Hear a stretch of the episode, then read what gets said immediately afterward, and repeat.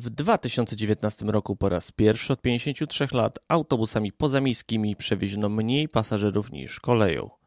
Tyle, że w 1966 roku z obu tych gałęzi transportu publicznego skorzystało łącznie miliard i 915 milionów pasażerów, a w ubiegłym roku tylko 662 miliony. Dziś w pierwszej części pochylę się nad raportem Głównego Urzędu Statystycznego z działalności sektora transportu za 2019 rok, a w drugiej opowiem o tym, jak wygląda lokalny transport autobusowy na pograniczu województw śląskiego i świętokrzyskiego. Bartosz Jakubowski, węzeł przesiadkowy, zaczynamy.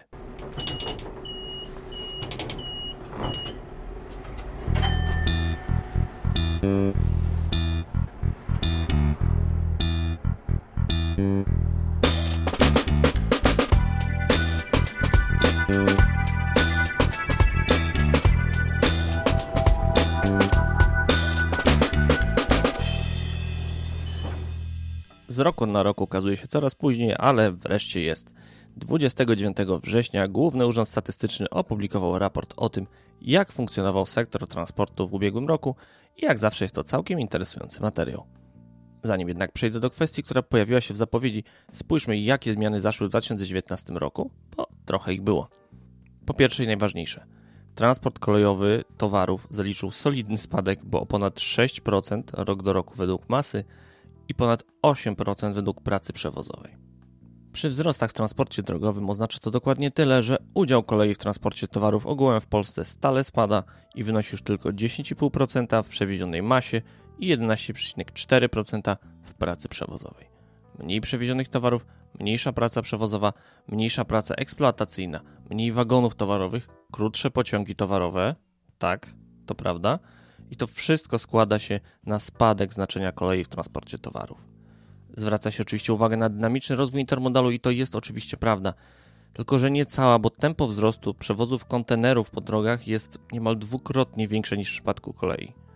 I to zupełnie nie dziwi, bo mamy coraz więcej dróg i to dobrych dróg, co jest stałym trendem od lat. Jest coraz mniej dróg z nawierzchnią gruntową, jest coraz więcej dróg z nawierzchnią ulepszoną, czyli asfaltową lub jakąkolwiek inną, a więcej dróg to oczywiście i więcej samochodów. I tu warto zwrócić uwagę na pojazdy w wieku do 30 lat, co znacznie lepiej od, odzwierciedla rzeczywisty stan posiadania w Polsce. Wskaźnik ten wynosi aktualnie 535 pojazdów na 1000 mieszkańców i to mamy wzrost o 17 w stosunku do roku 2018. Cały czas rośnie również masa posiadanych pojazdów.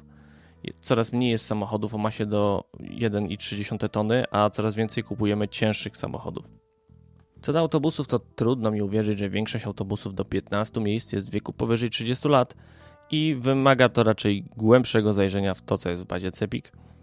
To samo dotyczy samochodów, stąd też podałem ten wskaźnik do pojazdów do 30 lat, bo jeżeli chodzi o pojazdy jeszcze starsze, to tych pojazdów mamy już ponad 600 na 1000 mieszkańców, ale jest to mało wiarygodny wskaźnik i tu mogę Wam obiecać, że o tych artefaktach z bazy Cepiku opowiem w oddzielnym odcinku. Z innych ciekawostek dotyczących samochodów, które pojawiają się w tym nowszym raporcie, warto odnotować zniknięcie z Polski prawie 20 tysięcy samochodów hybrydowych, co również jest pewną ciekawostką. I uprzedzając pytania, na pewno nie stały się w papierach przynajmniej czystymi elektrykami, a już na pewno nie wszystkie, bo elektryków w Polsce przybyło niecałe 2000.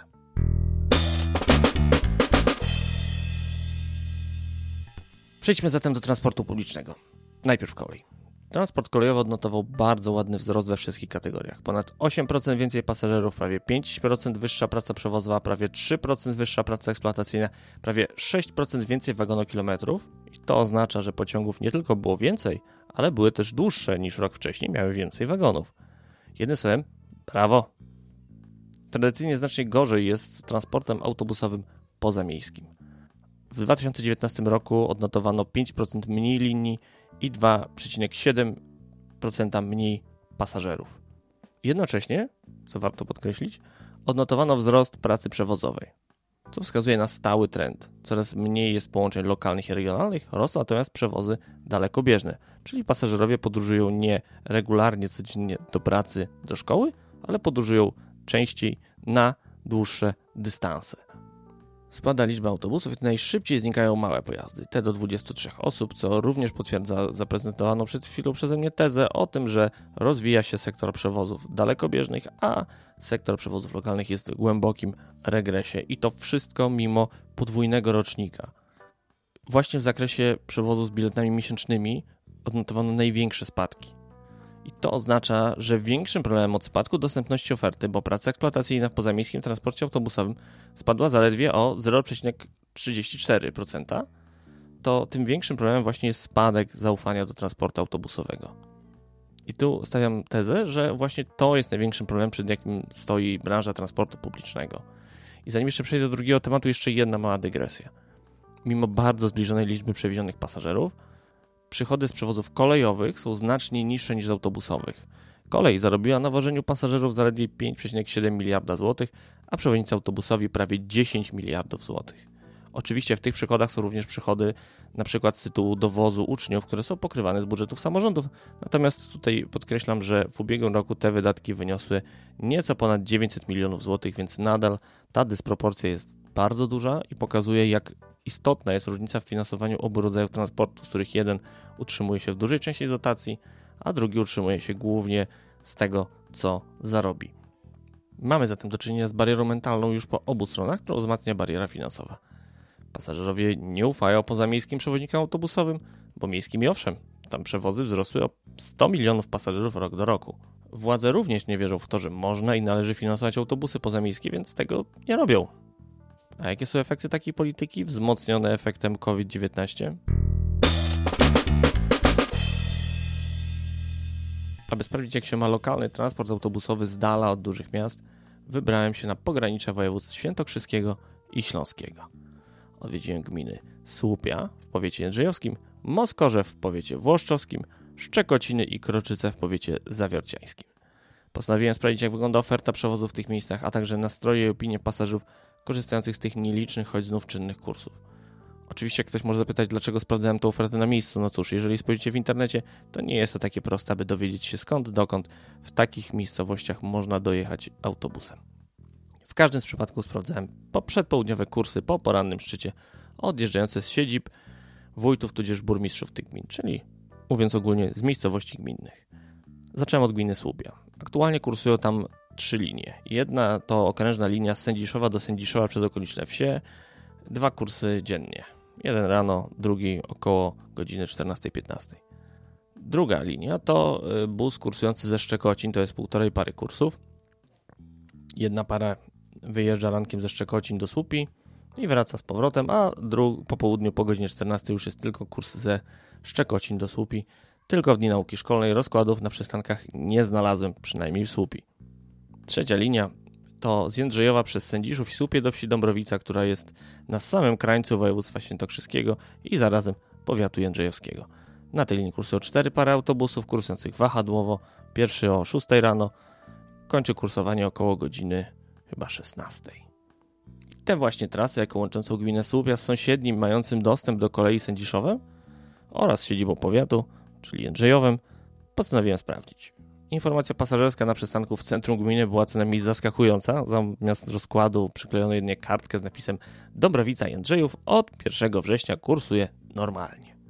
Na drugim z przystanków, pełniącym rolę dwukierunkowego, może część osób nie wie o co chodzi, więc wyjaśniam, to jest wtedy, kiedy po jednej stronie drogi na przykład jest wiata z oznakowaniem, a po drugiej stronie nie ma nawet chodnika, nie ma wiaty, nie ma niczego i jest co najwyżej znak D15, czyli przystanek autobusowy. I na tym właśnie przystanku tego typu, że wiata była po jednej stronie, a właściwy przystanek po drugiej, znalazł się już rozkład w formie kopii zezwolenia, czyli tej tabelki, skąd dokąd autobus jeździ. Jest zatem przystanek, jest rozkład. Okazało się, że był również autobus, oczywiście punktualnie o godzinie 9, tylko że nie było ani jednego pasażera. Ani w autobusie, ani na przystanku. I tutaj jeszcze, zanim zamiemy ręce nad y, tym, że nikt tym nie jeździ, Mała dygresja na ten przystanku, bo te słupy są zlokalizowane wyjątkowo niekorzystnie. Otóż, o ile w przypadku miast na prawach powiatu problem lokalizacji przystanków w zasadzie nie istnieje albo polega wyłącznie na decyzyjności władz miejskich, bo są one zarządcą całości infrastruktury drogowej, to w przypadku pozostałych miast i miasteczek problem jest i to istotny. W sytuacji, kiedy droga zarządzana jest przez inny szczebel samorządu, czy to powiatowy, czy wojewódzki, gmina nie może sama zdecydować o zlokalizowaniu tam przystanku. Znając zwyczaje współpracy pomiędzy samorządami, ich skłonność do ignorowania transportu publicznego i jego problemów, możecie sobie wyobrazić, dlaczego często miejsca do wsiadania i wysiadania poza miastami, a czasem nawet i w miastach, są w miejscach kompletnie od czapy. Z tym samym spotkałem się w nieco większym Sędziszowie, gdzie linia, o której przed chwilą mówiłem, na trasie ze Słupi do Jędrzejowa zatrzymuje się w dogodnym miejscu naprzeciwko dworca kolejowego. Natomiast w drugą stronę, ponad kilometr dalej, przy tak zwanym ośrodku Caritas, w miejscu, gdzie poza znakiem tym D15 oznaczającym przystanek autobusowy i przeglądnym rozkładem do tego znaku, nie ma ani wiaty, ani chodnika. Chodnik jest tylko po drugiej stronie ulicy. Wróćmy do tematu. Wyjeżdżając ze Słupi, skierowałem się do sąsiedniej gminy Moskorzew. Przystanki tam są już ulokowane zdecydowanie lepiej, bardziej intuicyjnie, w pobliżu urzędu gminy, w pobliżu sklepów. Ich odnalezienie no, nie było specjalnie trudne. Zresztą jest to wieś zlokalizowana przy głównej drodze pomiędzy e, Częstochową a Kielcami, więc nie jest tak najgorzej. Z Moskorzewa możemy pojechać do powiatowej Włoszczowy, bo jest to gmina w powiecie włoszczowskim, czterema parami kursów, z czego trzy są wydłużone do położonej peryferyjnie względem głównych dróg wsi Tarnawa Góra. I pierwszych z tych kursów postanowiłem do tej Tarnawy Góry pojechać i wrócić. No jak się okazało, tam również byłem jedynym pasażerem klasycznego Mercedesa Sprintera, jaki jest spotykany na tego typu kursach. W Moskorzewie nikt nie wsiadał ani nie wysiadał, oprócz mnie w Tarnawie Górze również nikt nie wsiadał, nie wysiadał. Na całej trasie nie spotkałem nikogo, nawet w drodze do Włoszczowy bus z Moskorzewa nie zabrał nikogo. Podobnie było w Szczekocinach, które dysponują już lepszą ofertą jednak przewozów autobusowych. Z obskurnego placu w centrum nazywanego dworcem odjeżdżają zaledwie cztery pary busów do zawiercia i te dwa busy do słupi, o których mówiłem. Natomiast e, zupełnie bogatsza oferta jest dostępna w innych miejscach. Tam znajdziemy 13 par busów do Częstochowej, łącznie 21 par busów do zawiercia i niektóre nawet kursują w soboty. Tyle, że nawet przy tak cudzysłów bogatej ofercie nie udało mi się znaleźć nikogo oczekującego na kurs lub wysiadającego z busa. Podobnie w Kroczycach, które leżą na trasie ze Szczekocin do Zawiercia. Przyznam, że wielokrotnie spotykałem się z ubogą ofertą jadąc w teren, ale nigdy nie zdarzyło mi się, żeby nie spotkać absolutnie nikogo oczekującego na autobus albo wysiadającego z niego. Pierwszy raz w życiu miałem taką sytuację, żebym naprawdę mimo starań nie spotkał żadnego pasażera. I przyznam, że dziwiło mnie to tak długo, dopóki nie sprawdziłem innego z raportów GUS, tym razem nieco sprzed tygodnia. W opracowaniu Sytuacja społeczno-gospodarcza kraju w sierpniu 2020 możemy przeczytać, że spadek liczby przewiezionych pasażerów w transporcie autobusowym w sierpniu wyniósł 45% względem sierpnia roku poprzedniego. Mimo, że od lipca część przewoźników lokalnych wznowiła już połączenia i choć mamy już wrzesień część z nich już wróciła na trasy, to pasażerowie nie wrócili. I tu stawiam kolejną hipotezę o ostatecznej utracie zaufania wobec lokalnych autobusów wymieszanej z lękiem, jaki władze wytworzyły wokół transportu publicznego, o czym zresztą już tu mówiłem. Nie dość, że autobusy jawią się jako siedlisko zarazy, to jeszcze nie ma pewności, czy przyjadą. No i ten lęk to jest coś, co w Polsce mamy od lat i nie wiadomo, czy zaraz znowu nie zostaną zlikwidowane. A przy takich wynikach przewozowych to jest bardzo możliwe i znów wpadniemy w samo nakręcające się koło likwidacji. Ciekaw jestem Waszych obserwacji, jak u Was wygląda oferta transportu publicznego, czy pasażerowie wrócili, czy autobusy wróciły. Dajcie znać na Facebooku, na Twitterze, na Instagramie.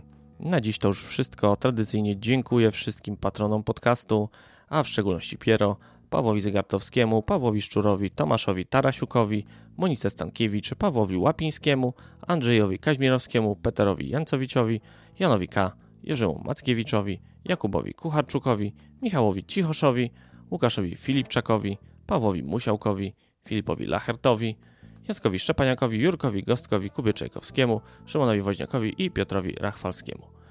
Jeżeli chcecie do nich dołączyć, serdecznie zapraszam Was na patronite.pl przesiadkowy.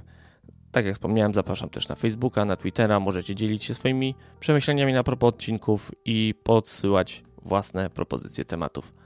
Na dziś to wszystko. Do usłyszenia.